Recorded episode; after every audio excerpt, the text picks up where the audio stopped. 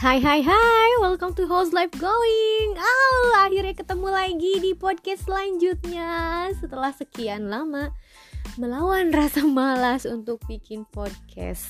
Mumpung lagi di rumah aja Dan jatah uh, ngomong cewek itu 30 ribu kata harus dilengkapin dong. Jadi aku mau menyalurkan dengan membahas tentang tentunya Married Phobia. Yeay, kita udah ada di episode kedua. Dan kali ini Fitri gak bakalan sendirian ngebahasnya. Udah ada narasumber yang bakalan bagiin cerita serunya bareng House Life Going.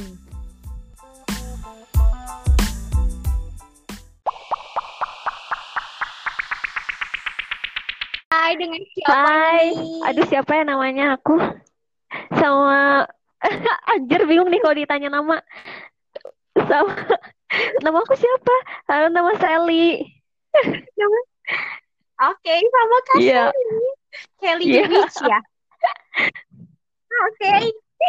Kak Sally, sekarang mau bagiin eh, aku mau cerita dulu nih soal married phobia. Jadi kalau di Indonesia Hmm. sendiri nih kan kalau eh, udah usia di atas 25 tuh kayak udah warning banget tuh. keluarga dari teman pasti aja banyak yang nanyain tentang married phobia. Nah, atau yang yang namanya tentang kawin ya intinya dan itu bikin fobia buat orang-orang kan. Nah, aku pengen denger nih pendapatnya dari Kak Sally. dari Sally sendiri gimana sih kalau misalnya ditanya soal kawin? Kalau ditanya soal kawin, gak tau ya dari dulu dari kapan dari SMA kayaknya kayak kayak udah kepikiran aja, udah kepikiran aja gitu kayak yang nikah tuh kayak gak akan secepat itu. Pokoknya emang dari dulu gak, nggak Hmm. terlalu interest sama relationship gitu kan. Nah pas sampai udah gede Aha. temennya banyak cewek-cewek dan satu persatu pada nikah eh Mhm.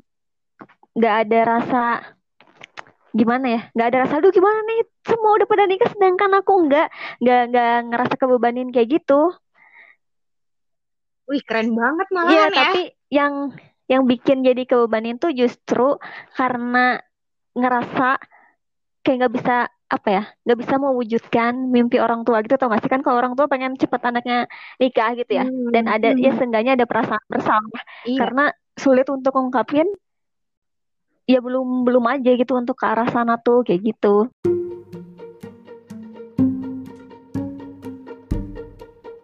Belum lebih jauh nih ya, aku mau eh, ceritain dulu. Jadi profilnya Kak Sally ini adalah dia seorang eh, jurnalis, oh, iya boleh boleh boleh seorang jurnalis di salah, di salah satu eh, surat kabar online ya di Jawa Barat.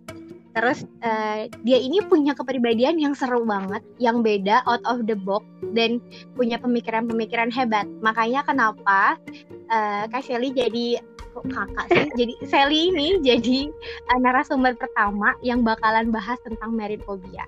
Nah,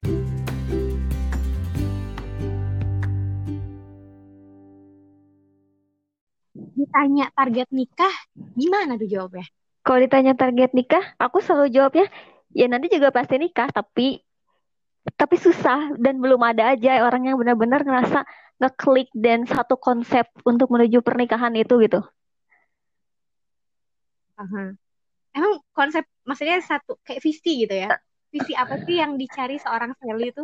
visi gimana ya visi konsep gitu tuh kan kalau kalau ibaratnya kalau di sini kita kalau di Indonesia nih iya kan kita tinggal di Indonesia ya konsep pernikahan Iya ya, Kayak iyalah. kita suami istri terus istri tuh pasti bakal Mhm. melayani suaminya dengan mengurus suaminya ya Oke. dan konsep melayani itu kayak di dalam otak aku tuh kayak yang ah serius nih aku harus melayani orang yang sama-sama kita tuh sama-sama dewasa gitu. Dan kita tuh harus melayani dia dari bangun tidur sampai sebelum tidur. Kayak yang kita kan Mhm. individu manusia yang harus bertanggung jawab akan hidup masing-masing. Kenapa kita harus melayani satu sama lain? Maksudnya kenapa harus si pihak perempuan aja yang harus melayani si pria? Maksudnya kalau pria tuh biasanya yang lebih Aha. membiayai wanita Mhm. ngasih ya mengasih penghasilannya kayak gitu. Dan sedangkan si perempuan ini yang Aha. harus jadi kesannya aku ngerasa cewek tuh harus nurut karena si cowok tuh udah menghidupi kita gitu. Itu tuh kayak yang hah gitu? Aku ngerasa kayak gitu. Nggak nggak tahu kenapa.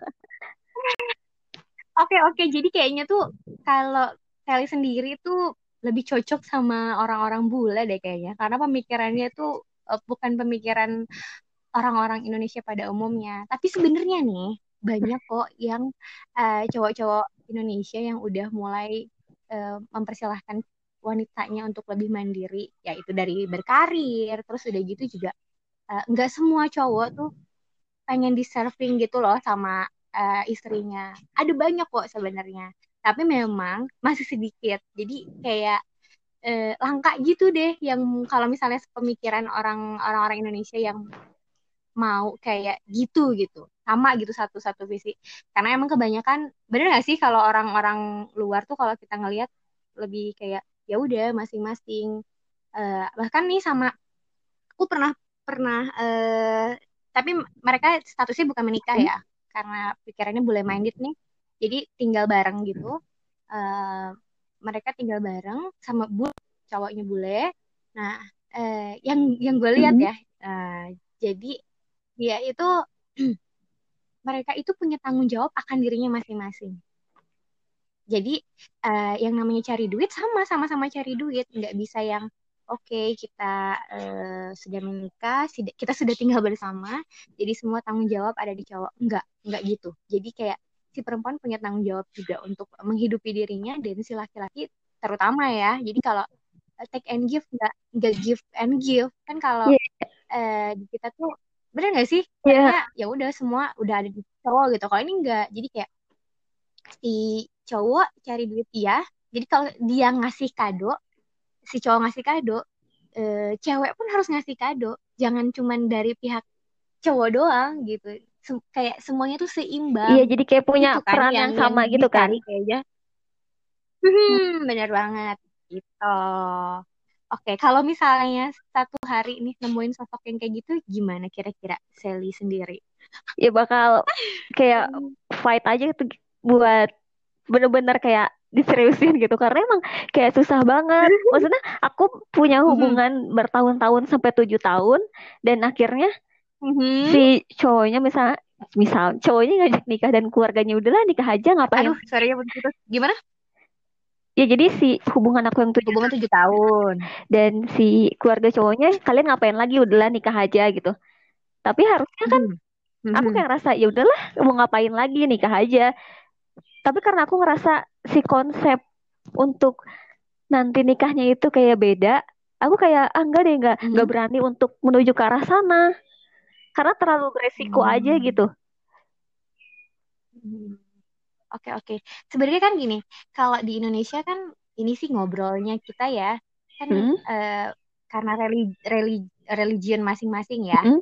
uh, yang bikin jadi kayak tanggung jawab itu ada di pihak laki-laki. Tapi ketika kita apa sih out of the box pikiran kita lebih terbuka lagi, sebenarnya tanggung jawab itu sendiri nggak hanya ada di pihak laki-laki, bisa di perempuan juga ya nggak sih? Kan harus seimbang aja gitu. Karena yang namanya pernikahan balik lagi konsepnya untuk saling melengkapi kan untuk hidup bersama. Iya. Yeah. harus ngebebanin salah satu gitu ya? Nah iya maksudnya kayak iya kayak kita bareng-bareng misalnya cowoknya nih cari duit dan ceweknya juga cari duit kebanyakan tuh kalau misalnya kita nih kita kadang-kadang ceweknya juga susah buat ngelepasin ego.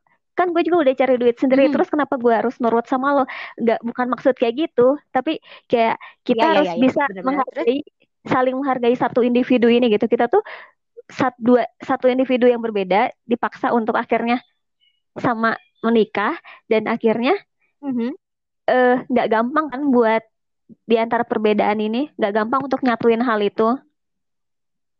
Gimana sih? Nggak gampang untuk ya, un untuk menyatukan menyatukan ide-ide dan pemikiran itu.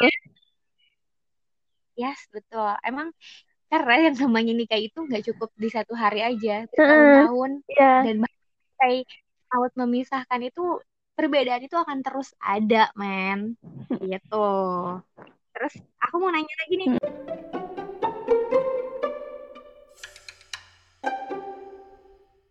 Hmm? Masuk ke uh, yang selanjutnya. Kalau buat lu sendiri, ini aku, kamu, lu, gua terserah deh ya. Iya. Seberapa pentingnya sih hmm? menikah? Menikah tuh kayak pilihan ya soalnya kayak orang-orang zaman sekarang Mhm. bisa aja menikah tapi mereka tetap aja ngerasa kesepian gitu bisa aja cowok menikah tapi mereka juga tetap Hmm. keluar ya Hah? ya itu ya bebas ya terserah masing-masing tapi kayaknya kalau menikah itu kayak karena memang sosial sosial kita menyuruh untuk menikah ya kita harus menikah aku nanggapnya jadi kayak gitu Aduh, terus terus. kalau misalnya Jadi jadi nggak dibilang penting ya bener penting atau nggak penting balik lagi tergantung gimana pilihan masing-masing Iya. gitu. karena kan kayak nikah tuh orang tuh kayak kita ngerasa kesepian Mhm. sendirian bete gitu yang pun sendirian ngapain tapi Mhm. akhirnya kita yaudah deh nikah aja toh kita meni eh, misalnya mencintai orang itu dan akhirnya kita punya temen ngobrol sampai tua nanti tapi kan dibalik semua itu setiap orang itu juga punya pemikiran lain yang oh mungkin aku nikah sama dia tapi aku ngerasa cocok lebih nyambung ngobrol hal lain sama orang lain atau aku lebih senangnya kalau doing sex lebih sama orang lain bisa aja kayak gitu tuh ada gitu Ngeri banget kalau yang gitu. ya karena kan kita tuh kan emang bener-bener nggak sempurna gitu kadang-kadang kita tuh Mhm. kayak pengen memuaskan hal yang nggak ada di pasangan kita gitu karena kayak Mhm. Dan kadang-kadang banyak juga orang yang nutupin kepribadiannya sama pasangannya sendiri walaupun mereka udah nikah gitu. Karena emang nggak bisa aja kayak yaudah kok sama pasangannya mah aku terlihat baik-baik aja, aku menghargai dia karena dia istri aku aja, tapi mungkin dia bisa jadi orang lain yang lebih berbeda kepribadiannya dengan di luaran sana kayak gitu. Ah, oke. Kalau nggak lagi sama pasangan kayak bisa jadi diri sendiri gitu. Kayak gitu. Itu bukannya kebalik ya? Mestinya sama pasangan bisa jadi diri sendiri. Iya nggak sih? Heeh. Iya nggak sih? Setuju nggak sih? Kan Ya, kalau harusnya pengen kan- jadi diri sendiri tuh justru sama pasangan kita dong. Hmm. Hmm. Oke, kalau misalnya hmm,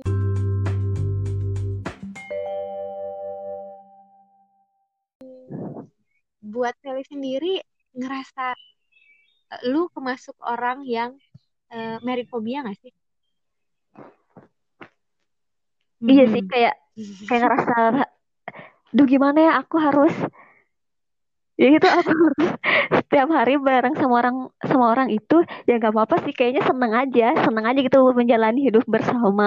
Tapi kayak kayak serem aja ya gak sih? Soalnya kayak kalau misalnya kita sampai berantem itu Mhm. eh sampai berantem kayak gitu gimana kita harus pergi satu sama lain? Terus eh karena kan sih kalau misalnya kita sakit hati ini sama sama suami kita misalnya pasti kan itu kayak masih pendam dan gak akan bener-bener healing Mhm. utuhnya gitu tau gak sih? Kita bakalan kita hidup terus-terusan sama mereka dan masih ngerasa dulu dia pernah ngelakuin hal ini kayak gitu-gitu. Masih kepikiran aja terus. Dan itu gak gampang. Dendam aja terus. ya Ya soalnya kalau yang namanya merit itu pintu maaf tuh udah kayak bukan segede pintu selebar-lebarnya lagi tapi kayak udah segede lapangan bola selebar-lebarnya soalnya. Itu masalahnya.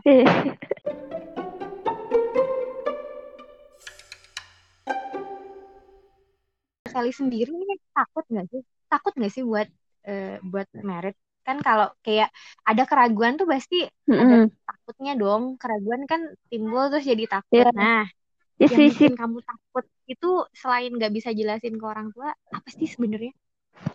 ya sih pola ideal idealisme hidup kita yang harusnya biasanya kita cuman kita pegang sendiri jadi harus kita harus meluruhkan ego-ego kita karena kita hidup sama orang lain Iya, dan bener itu kayak, ya. kayak gampang kayak yang Mhm. kita harus memaksakan idealisme hidup dia masuk juga dalam idealisme hidup kita dan kayak yaudah deh nggak apa-apa deh aku Gak apa-apa. ya udah deh nggak apa aku Ya ngikut udah, juga jadi sama kayak dia ngikutin gitu. apa yang dia mau gitu padahal kayak iya kita ik- ikut mengalah nggak mau ngalah banget ya orangnya tapi itu tuh kayak yang untuk sekarang kayak kayak ada banyak hal yang ingin aku lakuin dan kalau misalnya Mhm. nikah sama Mhm. seseorang dia bisa terima gak ya kalau misalnya aku kayak begini gitu Jangan-jangan sih tujuh tahun lalu udah cukup terlalu mengalah. Anjir, iya. Dan aku takutnya si cowoknya itu kayak aku tuh kayak cuman takut si kita tuh dianggap kayak cuman objek aja gitu Objek. tau gak sih? Dari ke- kepuasan. objek-objek Eh, kayak yang misalnya nih aku pernah kenal sama cowok terus Gimana? halo Objek apa? Ya, jadi cuman objek doang kayak dia tuh pengen milikin kita udah cuman itu doang tapi setelah Oke, kita lanjutin ya. Tadi Hmm, pertanyaannya kan pernah dengar soal merit phobia? apa Pernah dengar soal merit phobia? Fobia merit ya sama aja. Pernah sih tapi aku pikir merit phobia tuh karena misalnya nih dulu orang tua kita bercerai terus jadi meninggalkan trauma sama diri kita akhirnya kita takut juga untuk menikah atau eh, orang tua kita punya pernah dapat kekerasan dalam rumah tangga itu jadi menyebabkan kita Hmm. takut. Aku pikir merit phobia tuh seperti itu kayak gitu.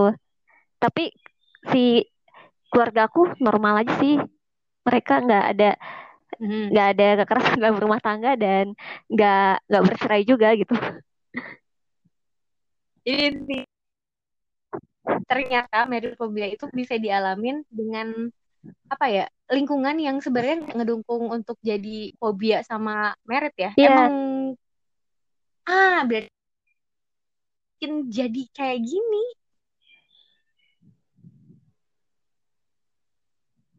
Apakah karena eh, si rasa rasa mengalah selama tujuh tahun atau apa nih yang bikin jadi bikin fobia nih?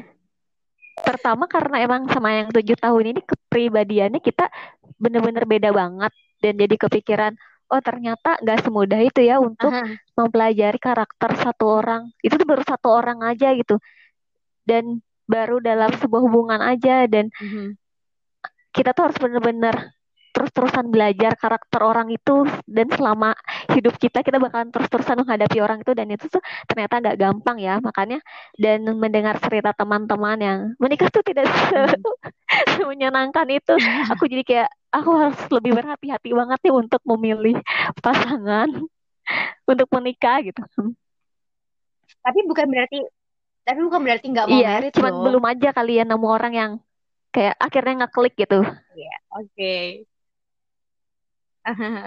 Tadi kan lagi bahas tuh Hmm? sebelum keputus ya. Eh, kayak objek untuk Mm-mm. ngemilikin doang. Nah, kalau ngemilikin nih, emang pas lagi zaman pacaran tuh nggak pengen ngerasa milikin apa? ya awal-awal sih pasti ingin rasa memilikinya tinggi ya tapi itu tuh kayak kayak toksik banget tau gak sih aku Bener. merasanya ketika aku ingin memiliki seseorang itu tuh jatuhnya jadi kayak racun aja buat aku Hmm. sendiri kayak aku tuh berusaha mungkin untuk membuat Waduh. si orang itu tuh tertarik sama aku ya kenapa kita harus ngelakuin hal itu gitu kalau misalnya Hmm. orangnya nggak suka mah ya udah aja lah ngapain gitu Hmm. kenapa kita harus memaksakan diri kita untuk jadi orang lain untuk orang lain tuh attracted sama kita gitu Oke. kan harusnya nggak perlu sampai kayak gitu Ah, bukan berarti nggak pengen komitmen Jadi kalau komitmen mah ya aku tipikal yang megang Hmm. komitmen sih kayak yang ya udah kalau sama satu orang sama satu orang aja Mm-mm. Cuman kayak ba- banyak pikiran-pikiran yang berat gitu kayaknya buat menyatukan dengan idealisme-idealismenya itu loh ya.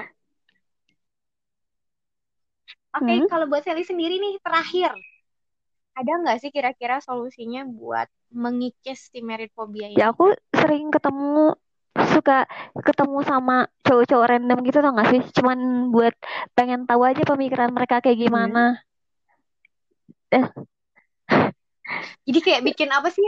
Apa Eh, sih? Bikin iya apa tuh? iya Penelitian gitu. supaya ya buat tahu aja Keren, gitu. Buat perbandingan ya. Jadi ya yang salah di cowoknya apa di iya gue nih? Yang kayak salah buat yang mana kayak nih? pembelajaran juga buat diri sendiri kayak yang ya semua orang tuh kita tuh gak akan pernah dapetin orang yang sempurna dan gak akan pernah dapetin orang yang benar-benar kita pengen gitu Benar, kita emang benar-benar harus ngalah gitu benar, benar, benar, benar, benar. Padahal udah ngalahnya cukup lama nih tujuh tahun ya. Oke deh kalau gitu. Thank you banget udah gabung sama Host Life Going dan ceritain tentang merit phobia-nya kamu. Mudah-mudahan bisa sembuh nih dari merit phobia dan amin yang. Amin ya, oke. Seru banget ngobrol sama Sally kali ini. Jangan lupa buat terus pantengin House Life Going dengan episode-episode selanjutnya di setiap Bye. minggunya. Thank you, bye-bye.